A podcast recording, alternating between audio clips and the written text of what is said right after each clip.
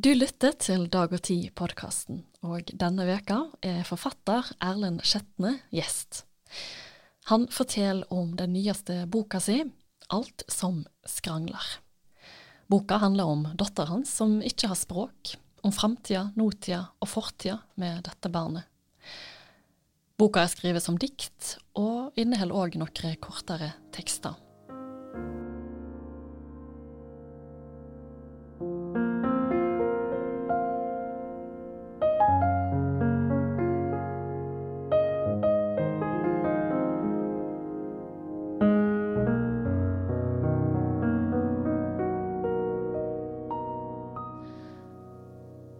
Velkommen, Erlend Skjetne. Takk for det. Du er aktuell med ei ny bok som heter Alt som skrangler. Og boka den gir oss som leser et slags innblikk i hvordan det er å være foreldre til et barn som ikke har språk. Og dette her er jo et nært og vanskelig tema, men det er ikke første gang du skriver om vanskelige ting. For de som ikke kjenner deg så godt, så skrev du i 2020 en roman som heter 'Klea er gjennomvåte', der selvmordet til far din sto sentralt. Og dette temaet har du òg skrevet en serie om i Dag og Tid tidligere. Og så må jeg bare få skyte inn at du har vunnet Brageprisen for ungdomsboka 'Et annet blikk', om et flyktningmottak i Nord-Norge, som du skrev i 2021. Men i dag så er det altså boka 'Alt som skrangler' som vi skal snakke om. Eh, og du som lytter, du skal òg få høre Erlend Skjetne lese litt fra denne boka i løpet av podkastepisoden. Eh, Erlend Skjetne, du åpner boka med disse ordene. Ettersom jeg aldri vil kunne sitere deg, må jeg begynne med stille de. Endeløse samtaler med stille de. Endeløse samtaler med meg sjøl om deg og stille de. Og når jeg leser boka di, så får jeg sjøl inntrykk av at, at hun er et forsøk på å forstå dattera di, og kanskje òg deg sjøl og dine egne følelser i forhold til hun. Hvordan kjennes det å skrive så nært om dattera di som sjøl ikke har språk? Ja, det er jo både litt uh, godt på den uh, måten at jeg selvfølgelig får uttrykk for noen tanker som jeg gjør meg om livet med det her barnet og om hun. da. Men selvfølgelig også vondt på sett og vis, fordi man tar tak i noe som er ganske, som du sier, nært og alvorlig, selvfølgelig, for, for meg og for min familie. Da. Det er jo absolutt noe som har en veldig konkret rot i virkeligheten, det må jeg jo si. Men jeg har jo vært opptatt av å prøve å gjøre det til noe som forhåpentligvis kan ha interesse for flere, da, og liksom skape en viss distanse til, til eh, privatlivet, kan man jo si. Eh, men eh, det er klart at det er personlige ting og også en del etiske refleksjoner man gjør seg når man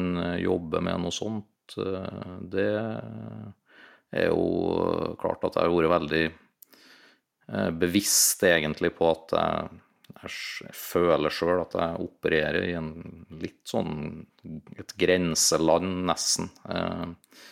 I og med at, som jeg også egentlig tematiserer i boka, det her er et menneske som ikke sjøl kan uttrykke seg og fortelle sin historie.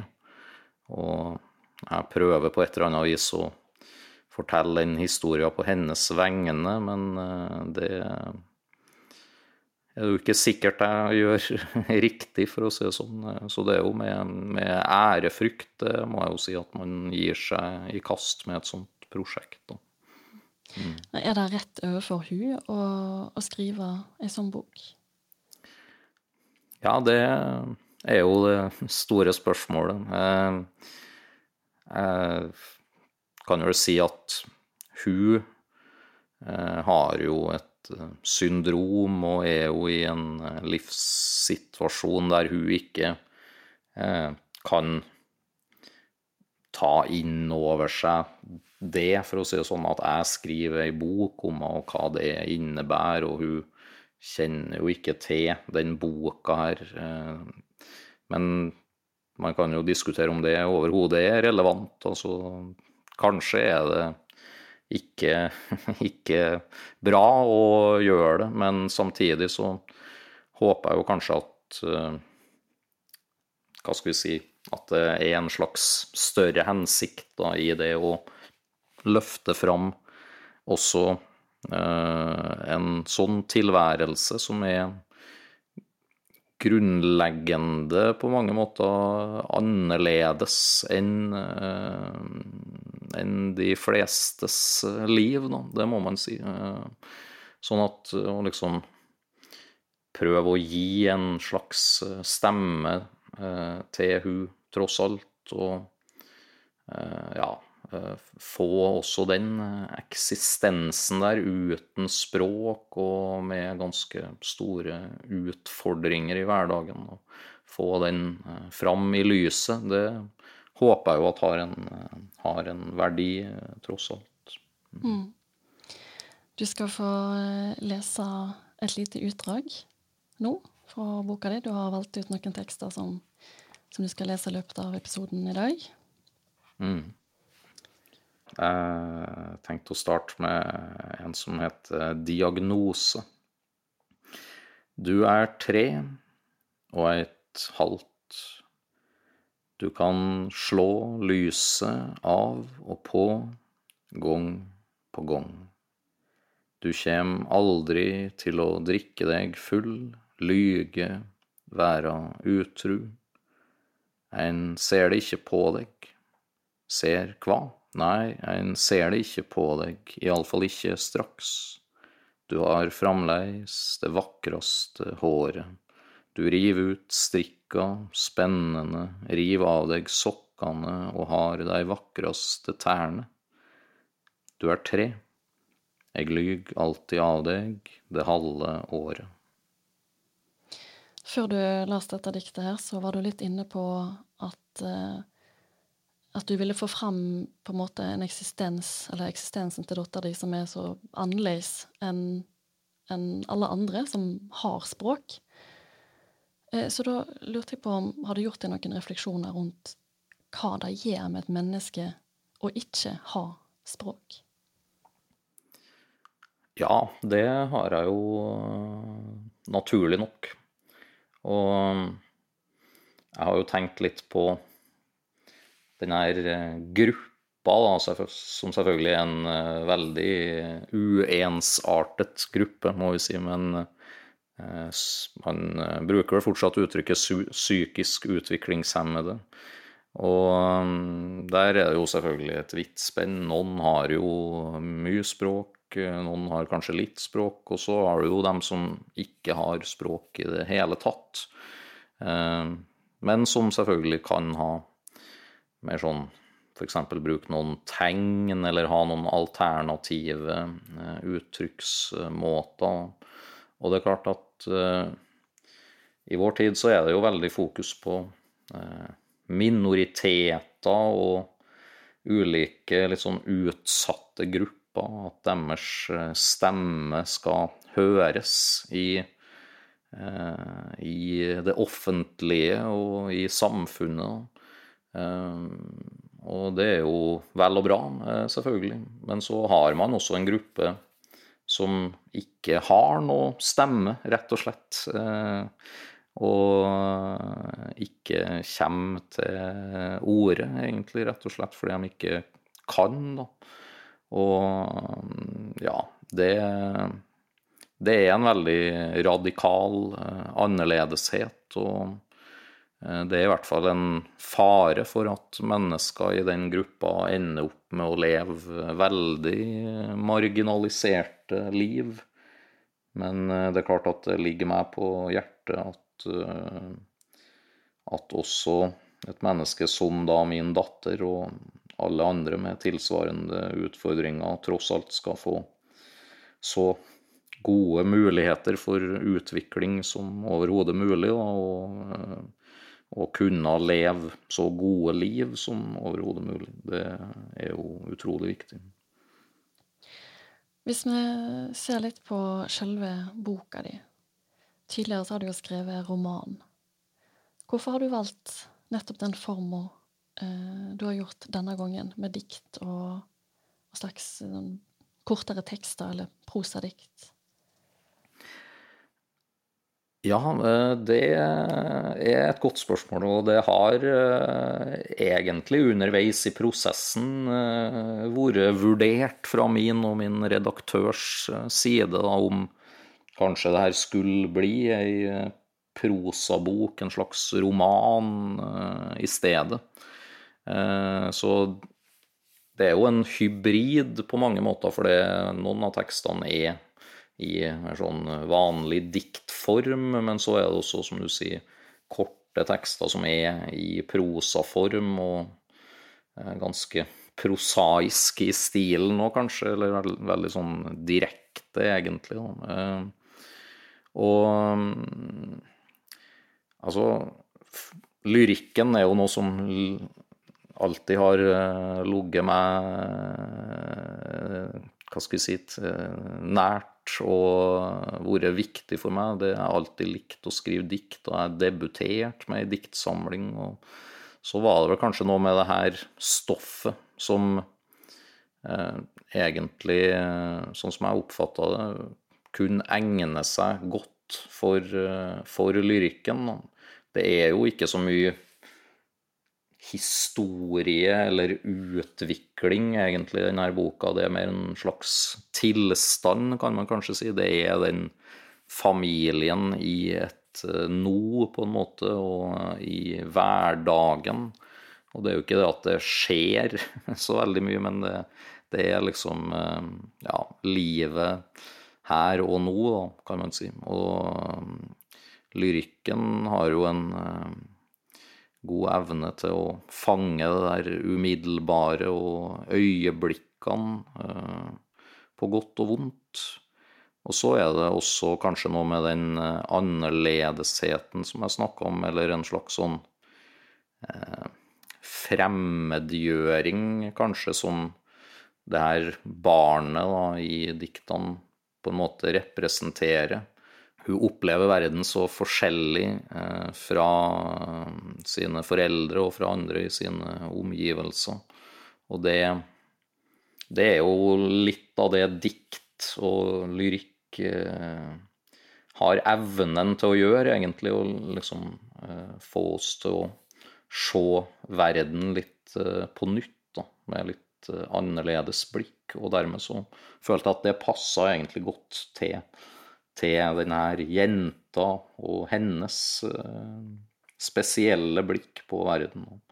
Og en ting til som jeg kan si om det, er at uh, jeg har vel tenkt at uh, i en Hvis jeg skulle skrevet en slags roman om det, så ville det kanskje vært en fare for at jeg kom enda på en måte tettere på mitt Eh, privatliv, da, for å kalle det og At det liksom hadde blitt en historie som ligna veldig på min egen historie. Eh, jeg følte egentlig at lyrikken ga en mulighet for å skape litt sånn større distanse, egentlig, til, til det her veldig private, og forhåpentligvis gjøre det, litt mer allment, tross alt. da. Mm. Ja. for det er ikke nødvendigvis sånn at diktsamlinger de retter seg kun mot familier som har et psykisk utviklingshemma barn. Eh, nei, jeg tror egentlig ikke det. Jeg har nå fått noen tilbakemeldinger fra uh, ulike mennesker, og det er vel få av dem som er i akkurat den situasjonen som beskrives i boka. Uh, jeg tror nok at uh, forhåpentligvis så kan jo alle, litt avhengig av sitt lynne sikkert, men uh, finne noe å glede seg over her. Men uh, kanskje er det jo en ekstra dimensjon hvis man er forelder eller har et liksom kjenner godt til barn. Fordi eh, det barnet i boka, som jo er veldig annerledes, er jo også et barn, og hun har jo en del ting til felles med barn flest. Men så er hun også, også ganske forskjellig fra dem. Så, men noe noe gjenkjennelig, ikke minst i det med å være forelder, da, det vil jeg jo tro at det eh, kan være for mange. Og den eh, Ja, det er jo en kjærlighet, selvfølgelig, til, til det her barnet, og en rekke andre følelser som kan gjøre seg gjeldende i eh, hverdagsliv. Ja. Alle har jo sine egne assosiasjoner og minneerfaringer som de tar med seg når de leser dikt. Selv så Det er et dikt du skal få lov til å lese helt til slutt uh, i denne episoden i dag. Men uh, der skriver du at du legger litt mose i handa til dattera di. Og det fikk meg til å tenke på min egen barndom. Det er klart, de, de der øyeblikkene, de eh, er jo der. I alles barndom, forhåpentligvis, og også i øyeblikk også i, i, barndommen som beskrives i boka her. Så noe sånn eh, fint og ja, gode opplevelser er det jo eh, absolutt. Så er det i den boka her dessverre da blanda i en del følelser som kan være eh, ja, stikk motsatt òg, kan man kanskje si. Mm. Ja. Og da passer det egentlig bra å lese et lite utdrag til. Mm. Eh, så skal vi komme litt innom disse kjenslene her etterpå. Mm. Jeg skal ta et lite dikt som heter Åpen bok. At jeg kan finne fjeset ditt mellom millioner av barn. At det bankande hjarta mitt gjør deg trøttere enn alle tabletter. At jeg høyrer det på pusten din når du endelig har sovna, at jeg skjønar dei få teikna dine, jamvel når du knapt nok gjør dei, at jeg hver dag seier navnet ditt utan å høyre mitt eige. Du er jo innom, som du òg har nevnt, mange følelser i disse tekstene dine. Raseri, kjærleik. Og i diktet som du nettopp las nå, så får du bare korrigere meg hvis jeg tar feil, men jeg får inntrykk av at det er en slags sårhet der. Um, hvordan har det vært å utforske dette her store spekteret av følelser i skriveprosessen?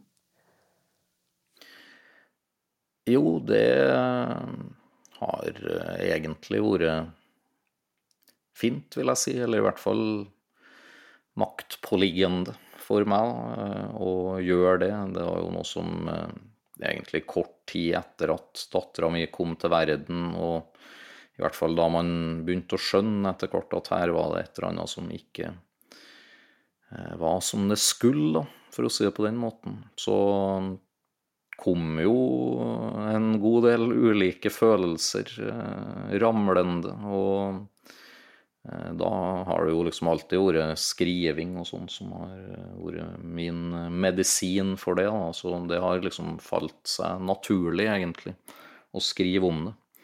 Eh, men du har jo helt rett i det du sier når det gjelder det diktet der, og mange dikt i den boka her, så er det jo den sårheten, og det er jo eh, også ytterligheter, da, kan man kanskje si. Jeg har jo snakka om eh, kjærligheten, og det er jo noe som egentlig er selvsagt.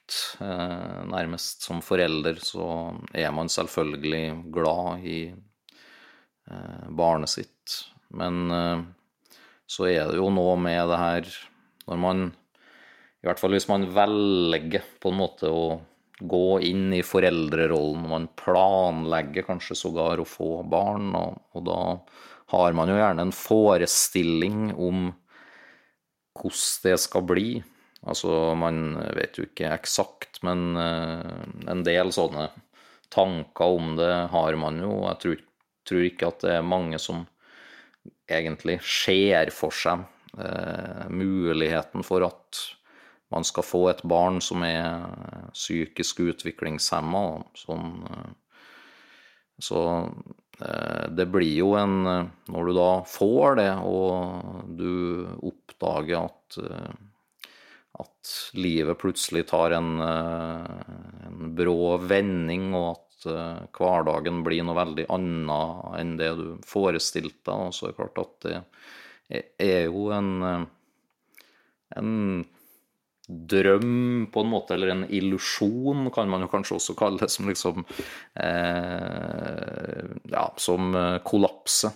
Og du må jo bare forholde deg til det, men eh, da er det jo for det første kanskje en redsel som kan gjøre seg gjeldende. Du begynner jo å tenke på hva er det nå egentlig det her betyr, og hva vil framtida bringe? Da? Du veit kanskje ikke noe som helst egentlig om uh, hva som kommer til å skje. Uh, og så er det jo ja, en sorg, uh, må man jo ha lov til å si. Kanskje over de her tapte illusjonene. Eller tapte drømmene på et eller annet vis. og så kan det vel også være et sinne, helt sikkert, fordi man ja, man har jo egentlig ingen å være sint på. Det er noe, tror jeg, da, tilfeldighetenes spill. Eh, men du er kanskje sint bare på skjebnen, for å kalle det eh, for at eh, du skulle være den som ble nødt til å, til å oppleve det her. Men så høres jo det der selvfølgelig veldig negativt ut. Man lærer jo å leve med det, og det er klart at det kommer noen veldig fine erfaringer etter hvert, og kanskje noe som eh, ja, gjør at man eh, får utvida sine perspektiver litt. Det er det jo ingen tvil om. Men man må liksom hele tida forholde seg både til de her negative følelsene og samtidig de positive, f.eks. den kjærligheten som jeg nevnte. Så det er en sånn noe paradoksalt ved det, egentlig, som eh, er der hele tida. Disse her følelsene her er jo noe som går igjen i hele, i hele boka di, i alle diktene. Vi skal så vidt begynne å avslutte, men jeg lurte på litt Når du setter deg ned for å skrive Må jeg snakke masse om følelser i dag? hva, hva gjør det med deg å sette deg ned med enten Mekken eller en, en, en blyant og skape noe? Eh, ja, det er nå i hvert fall noe som jeg finner en veldig glede i. Da, og hvis jeg føler at jeg skriver noe som er bra, så er det jo en sånn tilfredsstillelse. Det må man jo si. Men sånn underveis i prosessen så er det jo eh, ikke minst eh, litt sånn at man, man får liksom rydda i sitt eget eh, mentale kaos, kan man si. Og eh, ja, får utløp for ting som man tenker på. Og det har jo en verdi i seg sjøl. Det er ikke sikkert at det nødvendigvis blir noe særlig god litteratur av det, men så kan man jo begynne å kna litt på ting i etterkant og omforme det og liksom gå inn i detaljene. Så det kommer jo litt etter hvert. Men selve den der skrivinga, det vil jeg jo si Ja, det er litt sånn uh, sjelbot, er ikke det det kalles? det er i hvert fall uh, ja, noe som gjør godt for, for sjelen. Det tror jeg. Ja. Da er vi kommet eh, fram til siste dikt. Ja, jeg skal avslutte med et som heter Vandringsvise. Og det går sånn her. På de litt beiske dagene bare kjører vi, opp i dalene, ut til fyret, de gamle grendene, de dårlige vegane, de tomme husa. Vi stoggar her og der, går dei metrene du orkar før du set deg ned. Liker bildøra best, bagasjeluka. Eg legger litt mose i handa di, gras og steinar, skimrande sjel. Timane dansar, og vi kan være kvar vi vil, i et lyn, i en song, en konkylie.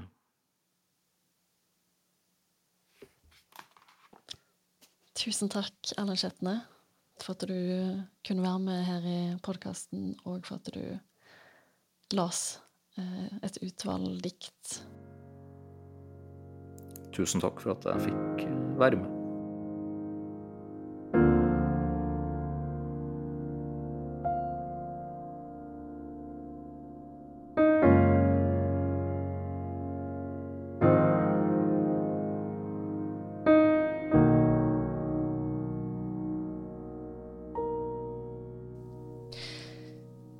Lytta til Dag og Tid-podkasten.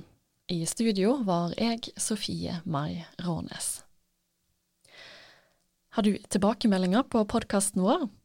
Send meg gjerne en e-post. Adressa er sofie krøllalfa